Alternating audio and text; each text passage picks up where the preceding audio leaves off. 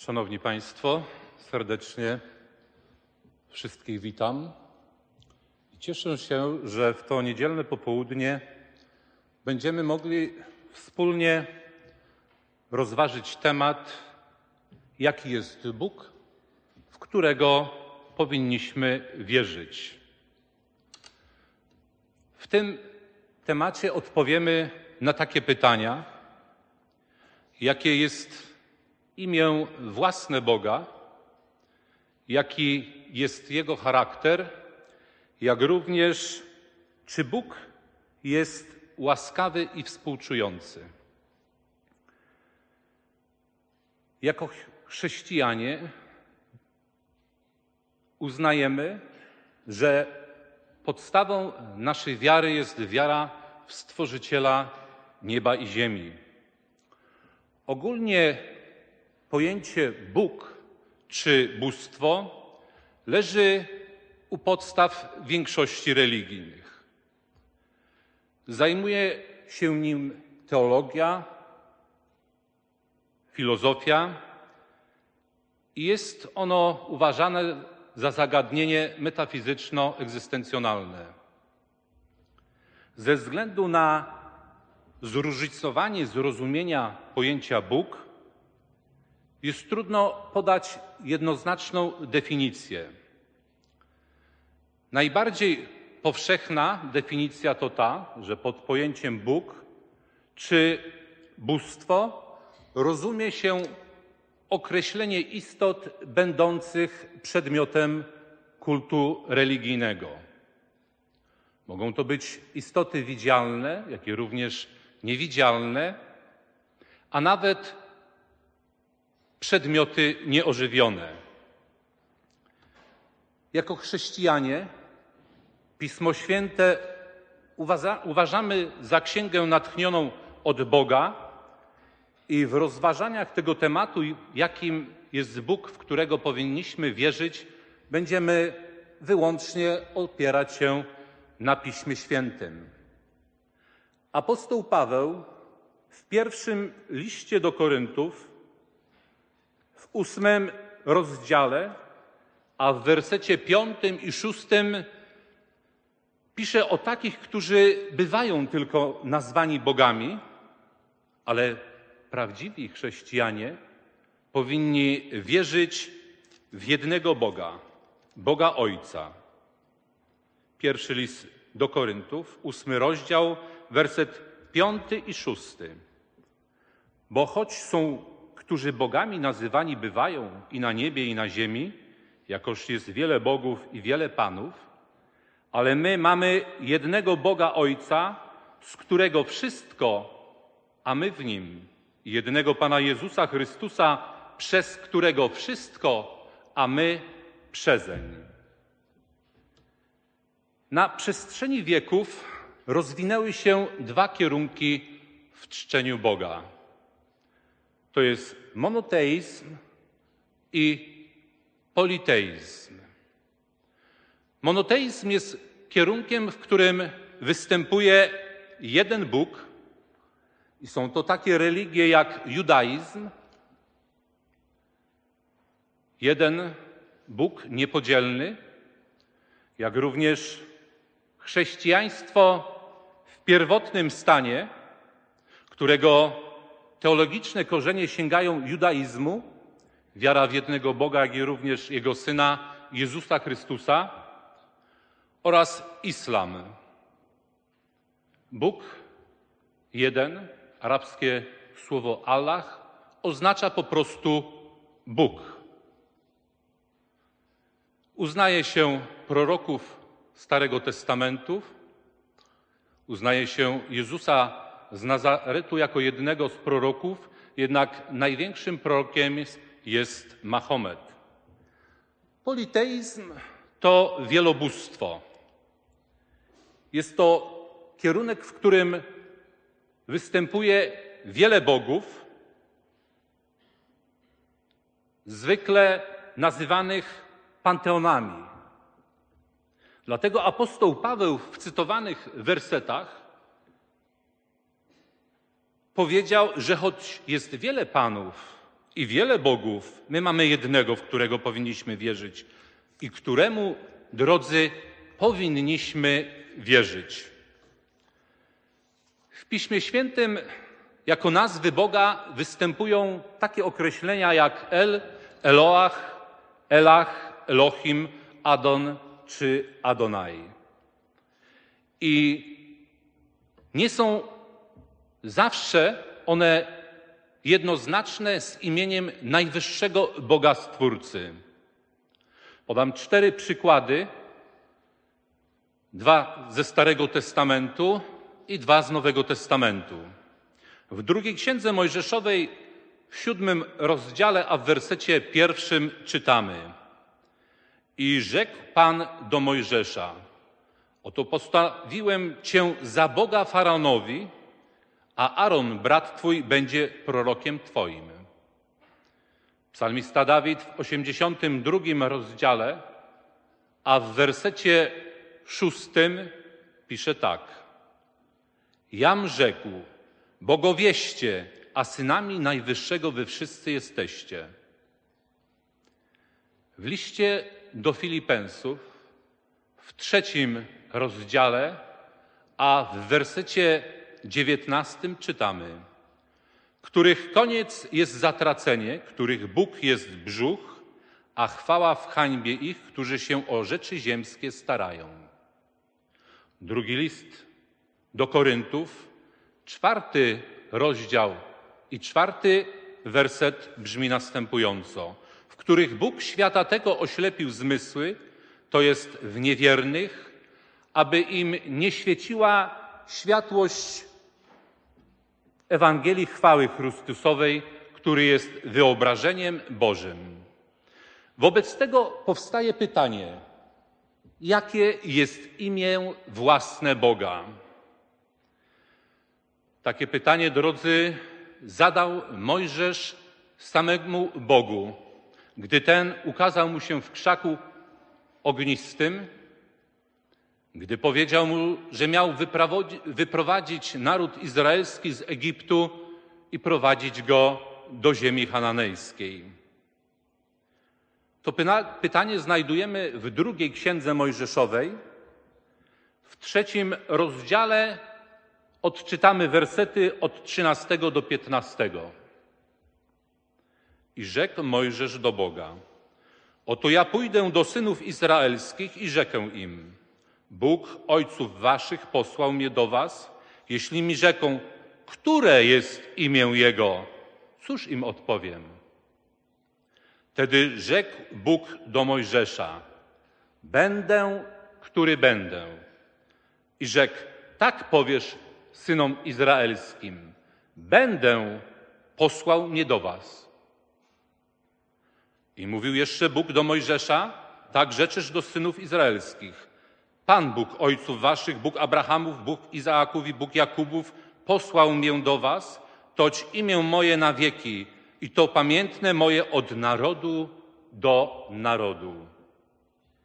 Termin imię, a zatem i termin imię Boga ma w Biblii co najmniej siedem znaczeń. Pierwsze to jest nazwisko lub nazwa, godność, na przykład Jezus, Jan, Maria i tak dalej. Drugie natura. Trzecie charakter. Czwarte reputacja. Piąte honor. Szóste autorytet urzędowy i siódme słowo cel i plan. W pierwszych trzech znaczeniach imienia to imię występuje w cytowanych wersetach, gdy Mojżesz zadał pytanie Bogu, które jest imię Twoje? Pytanie Mojżesza, jakie Bóg, jakie imię Boga on miał dać zapytującym Izraelitom, nie odnosi się do pierwszego terminu znaczeniu imienia Boga użytego w Piśmie Świętym. Bóg był znany przez nazwę, nazwisko czy godność Jahwe, Był znany Abrahamowi, Izakowi, Jakubowi, a nawet był znany i przed potopem. Imię Boga znali, ale nie znali znaczenia tegoż imienia, które Bóg wyjaśnił dopiero na prośbę Mojżesza. Imię Boga w pierwszym, drugim i trzecim znaczeniu terminu imię użytego w Biblii, czyli w znaczeniu nazwy, nazwiska, godności oraz w znaczeniu natury i charakteru odsłania, odsłania nam druga księga Mojżeszowa, szósty rozdział, werset drugi i trzeci. Nadto mówił Bóg do Mojżesza i rzekł do niego: Jam Pan, którym się ukazał Abrahamowi, Izakowi Jakubowi w tym imieniu, żem Bóg Wszechmogący. Ale w imieniu moim Jehowa nie jestem poznany od nich. Jam Pan, El Shaddai, Bóg Wszechmogący. Znano przedtem, zanim Bóg przedstawił się Mojżeszowi, tak jak czytaliśmy to w cytowanych wersetach, i oni wszyscy rozumieli, że to imię reprezentowało Boga Wszechmogącego. To jest pierwsze znaczenie imienia. W drugim znaczeniu, w znaczeniu natury, jako przymioty boskiej istoty, takie jak osobowość, cielesność, duchowość, wieczność, samowystarczalność, nieśmiertelność, jedność, wszechmoc i wiedza oraz w trzecim znaczeniu, w charakterze, to jest w mądrości, sprawiedliwości i mocy imię Boga nie było znane do momentu rozmowy Boga z Mojżeszem. Zauważmy, że żeby Izraelici postanowili wyjść z Egiptu, to tak wielkie przedsięwzięcie, oni musieli poznać Boga nie z imienia w znaczeniu Jego nazwy czy nazwiska, bo w Egipcie było wielu bogów, którzy mieli swe imię, swą nazwę, swą godność, ale oni musieli poznać Boga w znaczeniu Jego natury i charakteru. I o tym dobrze wiedział Mojżesz. Stąd jego pytanie, które cytowaliśmy. Które jest imię Twoje? W tym pytaniu zawiera się chęć zdobycia więcej informacji o Bogu, o Jego naturze i charakterze. Mojżesz wiedział, że przedstawienie Boga, który różnił się od innych bogów, na przykład bogów egipskich, mającego tak wspaniały charakter i takie przymioty istoty, doprowadzi do tego, że Izraelici powiedzą tak. Ten Bóg jest Bogiem wszechmocnym, sprawiedliwym, miłującym. Takiemu Bogu możemy zaufać. Wyjdziemy z Egiptu. I tak odpowiedział Bóg Mojżeszowi na zapytanie w wersecie czternastym. Będę, który będę. W innych tłumaczeniach jestem, który jestem. I będę. Ja jestem.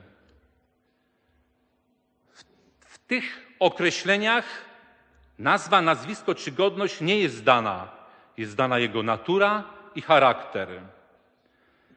Wynika to z różniącej się formy przetłumaczonego tutaj czasownika będę, ja jestem, skąd mamy nazwę J, H, W, H, które po polsku wymawiamy jako Jehowa. Taką odpowiedź dał Bóg Mojżeszowy.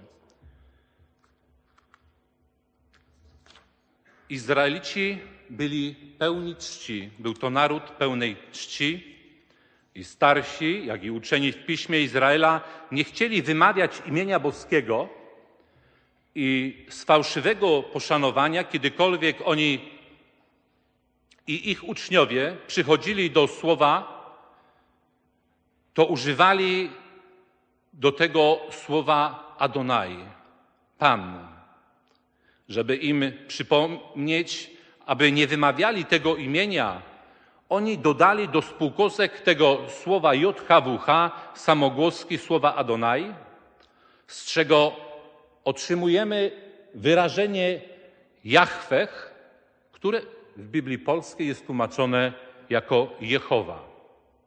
W przekładach angielskich wszędzie ten czteroliterowy skrót JHWH przetłumaczony jest jako Jehowach. Rozumiemy, że hebrajskie słowa przetłumaczone tutaj na, w Biblii Gdańskiej będę, który będę, lub ja jestem, który jestem, i będę, czy ja jestem, nie dają nam godności Boga, ponieważ te słowa w hebrajskim języku brzmią echyjech asher echyjech, czyli będę, który będę i będę echyjech. Trudno byłoby wypowiedzieć same cztery współgłoski, stąd po dodaniu samogłosek otrzymujemy słowo Jehowach przetłumaczone jako w języku polskim Jehowa i tak to słowo wyrażamy. One nasuwają charakter i naturę Boga, to znaczy one wykazują pewne przymioty Jego charakteru i istoty. Reasumując dotychczasowe rozważania, musimy powiedzieć, że imię w znaczeniu nazwy czy godności po hebrajsku Jahwe, jak i również w znaczeniu natury i charakteru Jehowa jest prawidłowe, ponieważ ono odnosi się do tej samej istoty, do Stworzyciela nieba i ziemi. Jaki jest charakter Boga? Drodzy, gdy przez poznanie, zrozumienie i właściwe ocenienie imienia Boga patrzymy na Stworzyciela nieba i ziemi i na przepełniony miłością plan, mający na celu doprowadzenie człowieka do doskonałości, która była w ogrodzie Eden, stwierdzamy, że charakter Boga sam w sobie jest doskonałością. Ze względu na jego charakter, on jest jedynym godnym otrzymania najwyższej miary naszej oceny. Ponieważ charakter Boga jest doskonały w mądrości, sprawiedliwości i mocy, w stopniu, któremu nie dorównuje żaden inny charakter, dlatego Bóg Jehowa powinien zajmować najwyższe miejsca w naszych sercach. Biblia mówi, że powinniśmy się rozkoszować w jedności i odczuwać ją z Bogiem. Psalmista Dawid w 37 psalmie, a w wersecie czwartym pisze: Kochaj się w Panu, a dać prośby serca Twego. Gdyby nasz Bóg był Bogiem wiecznych mąk, oczywiście nie moglibyśmy kochać Go z właściwym ocenieniem. Moglibyśmy mieć obowiązkową miłość do Niego z wdzięczności za przypuszczalne uwolnienie nas od wiecznych mąk, lecz nie mogliśmy by mieć bezinteresownej miłości, z upodobania w Nim i z odczuwania, odczuwania razem z Nim. Ponieważ nasz Bóg jest Bogiem najwyższej mądrości, sprawiedliwości i mocy, możemy okazać Mu najwyższą formę oceny możliwą do rozwinięcia w naszych sercach. Chciałbym, drodzy, teraz podać kilka uwag na temat relacji tych czterech przymiotów boskiego charakteru wzajemnie wobec siebie. Z tych czterech podstawową są mądrość i sprawiedliwość. To znaczy, prawda i sprawiedliwość są podstawą do miłości i do mocy, jak również podstawą boskiego tronu. Psalmista Dawid w 89 psalmie, a w wersecie 15 pisze tak. Sprawiedliwość i sąd są gruntem stolicy Twojej. Miłosierdzie i prawda uprzedzają oblicze Twoje. Pierwsza myśl, jaka powstaje w umyśle Jehowy w związku z jakąkolwiek czynnością, procesem, zasadą czy rzeczą, jest zawsze następująca. Czy jest to zgodne z prawdą i sprawiedliwością? Bez względu na to, jakie inne dobre zalety mogą w tym występować, jeśli albo prawda, albo sprawiedliwość w jakikolwiek sposób są przyczyną do tego, aby naruszyć zasadę miłości, Bóg nie podejmuje żadnych działań. Boska miłość i moc nigdy nie działały, ani nigdy nie będą działać w inny sposób, jak tylko w harmonii i z poszanowaniem Jego mądrości i sprawiedliwości. Tak więc mądrość, sprawiedliwość są podstawą, a miłość i moc są nadbudową pierwszorzędnych przymiotów boskiego charakteru. Harmonijne działanie i wzajemna koordynacja tych czterech przymiotów boskiego charakteru w kolejności, jakiej podaliśmy, jest w każdej zasadzie i w każdym zarysie boskiego planu mającego na celu doprowadzenie człowieka do doskonałości. Doskonała harmonia i współdziałanie tych czterech przymiotów boskiego charakteru, którą dostrzegamy w Jego planie zbawienia, powinna pobudzać nas do najwyższej oceny tak wspaniałego, doskonałego charakteru. W przeciwnym razie charakter Boga nie byłby doskonały. Czy wobec tego Bóg jest łaskawy i współczujący? Bóg, w którego wierzymy, zamieszkuje wieczność. On jest bardzo wielki. On jest bardzo mądry, bardzo dostojny. Lecz On jest także bardzo współczujący. Jest Bogiem miłosierdzia i miłości. Jest, drodzy, drodzy, na to wiele dowodów Pisma Świętego. Ja przytoczę tylko jeden. Ależ jak bardzo wymowny w swej treści. A jest on zapisany w proroctwie Izajasza w 57 rozdziale, a w wersecie 15. Bo tak mówi on najdostojniejszy i najwyższy, który mieszka w wieczności, a święte jest imię Jego. Ja, który mieszkam na wysokości, na miejscu świętym, mieszkam i z tym, który jest skruszonego i uniżonego ducha, ożywiając ducha pokornych, ożywiając serce skruszonych. Kontekst tego rozdziału pokazuje, że gdyby Bóg chciał walczyć z ludzkością, to rezultatem tej walki byłoby zniszczenie ludzkości. On pamięta, że jesteśmy prochem i ma do nas współczucie. Pod tym względem, drodzy, on różni się od bogów pogan, którzy panują. W religiach pogańskich, wyraźnie dążąc do wytracenia i wywarcia zemsty na tych, którzy są w ich mocy.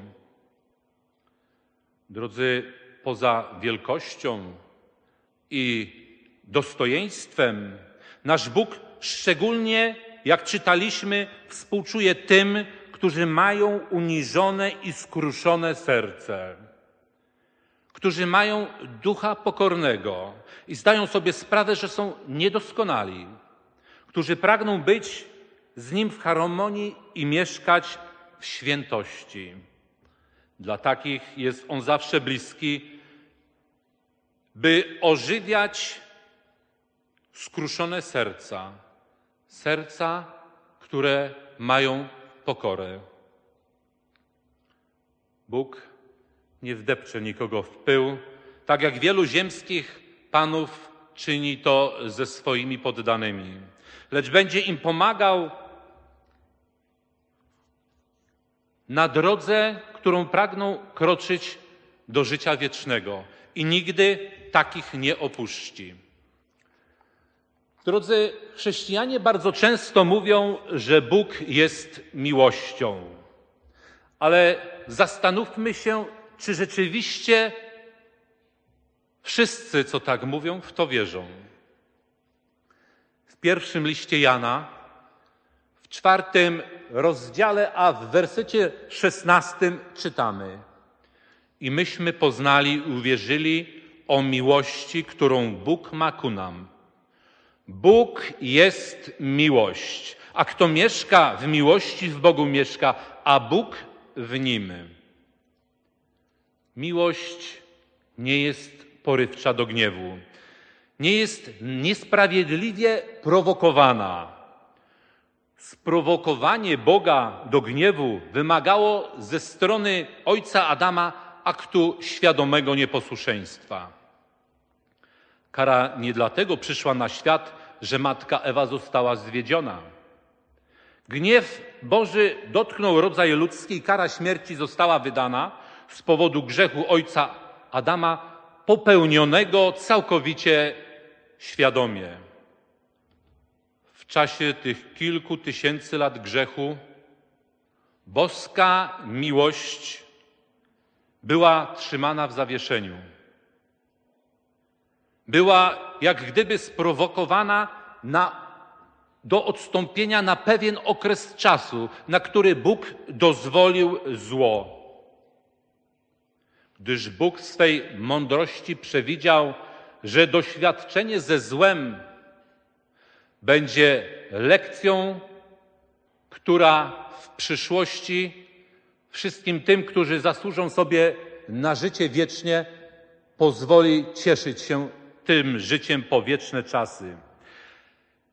Ale zauważmy, że przez ten cały czas dozwolenia na zło charakter Boga nie uległ zmianie. To nie Bóg wywołał owe szatańskie warunki, które istniały i istnieją od upadku człowieka. Ani miłość, ani sprawiedliwość jako uosobienie Jehowy nie sankcjonują grzechu. Apostoł Paweł w liście do Rzymian w szóstym rozdziale, a w wersecie dwudziestym trzecim pisze tak. Albowiem zapłata za grzech jest śmierć, ale dar z łaski Bożej jest żywot wieczny w Chrystusie Jezusie Panu naszym. A wszystko, co towarzyszy śmierci, jest jej naturalnym wynikiem, czyli częścią kary. Jednakże Bóg dozwolił na te warunki, wiedząc, że Jego mocą one wszystkie zostaną usunięte. Dla ostatecznego dobra rodzaju ludzkiego. Wielki przeciwnik Boży jest odpowiedzialny za nieszczęścia. On jest wykonawcą kary śmierci na rodzaju ludzkim. Apostoł Paweł w liście do Żydów w drugim rozdziale, a w wersecie czternastym pisze: Ponieważ wtedy dzieci społeczność mają ciała i krwi, jako natura ludzka, i On, Jezus, także stał się ich uczestnikiem, aby przez śmierć zniszczył tego, który miał władzę śmierci, to jest diabła. Tym, drodzy, sposobem miłość Boża, trzymana w zawieszeniu, wyczekała odpowiedniej chwili, aby ujawniając się, zadziwić człowieka, kiedy przyjdzie ów właściwy czas. Blisko dwa tysiące lat temu Bóg okazał miłość światu. jeden z najpiękniejszych wersetów w Biblii, mówiący o największej miłości całym wszechświecie. Jest zapisany w Ewangelii Jana w trzecim rozdziale, jest to werset szesnasty. Albowiem tak Bóg umiłował świat, że Syna swego jednorodzonego dał, aby każdy, kto weń uwierzy, nie zginął, ale miał żywot wieczny. Zesłał swego Syna, aby stał się Zbawicielem człowieka. Przyszedł na ziemię i oddał swoje życie, dobrowolną ofiarę za ludzki grzech, za grzech Adama.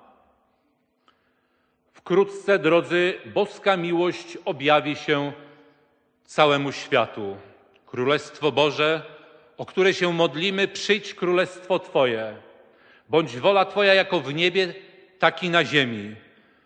Podniesie wzbudzony ze snu śmierci rodzaj ludzki.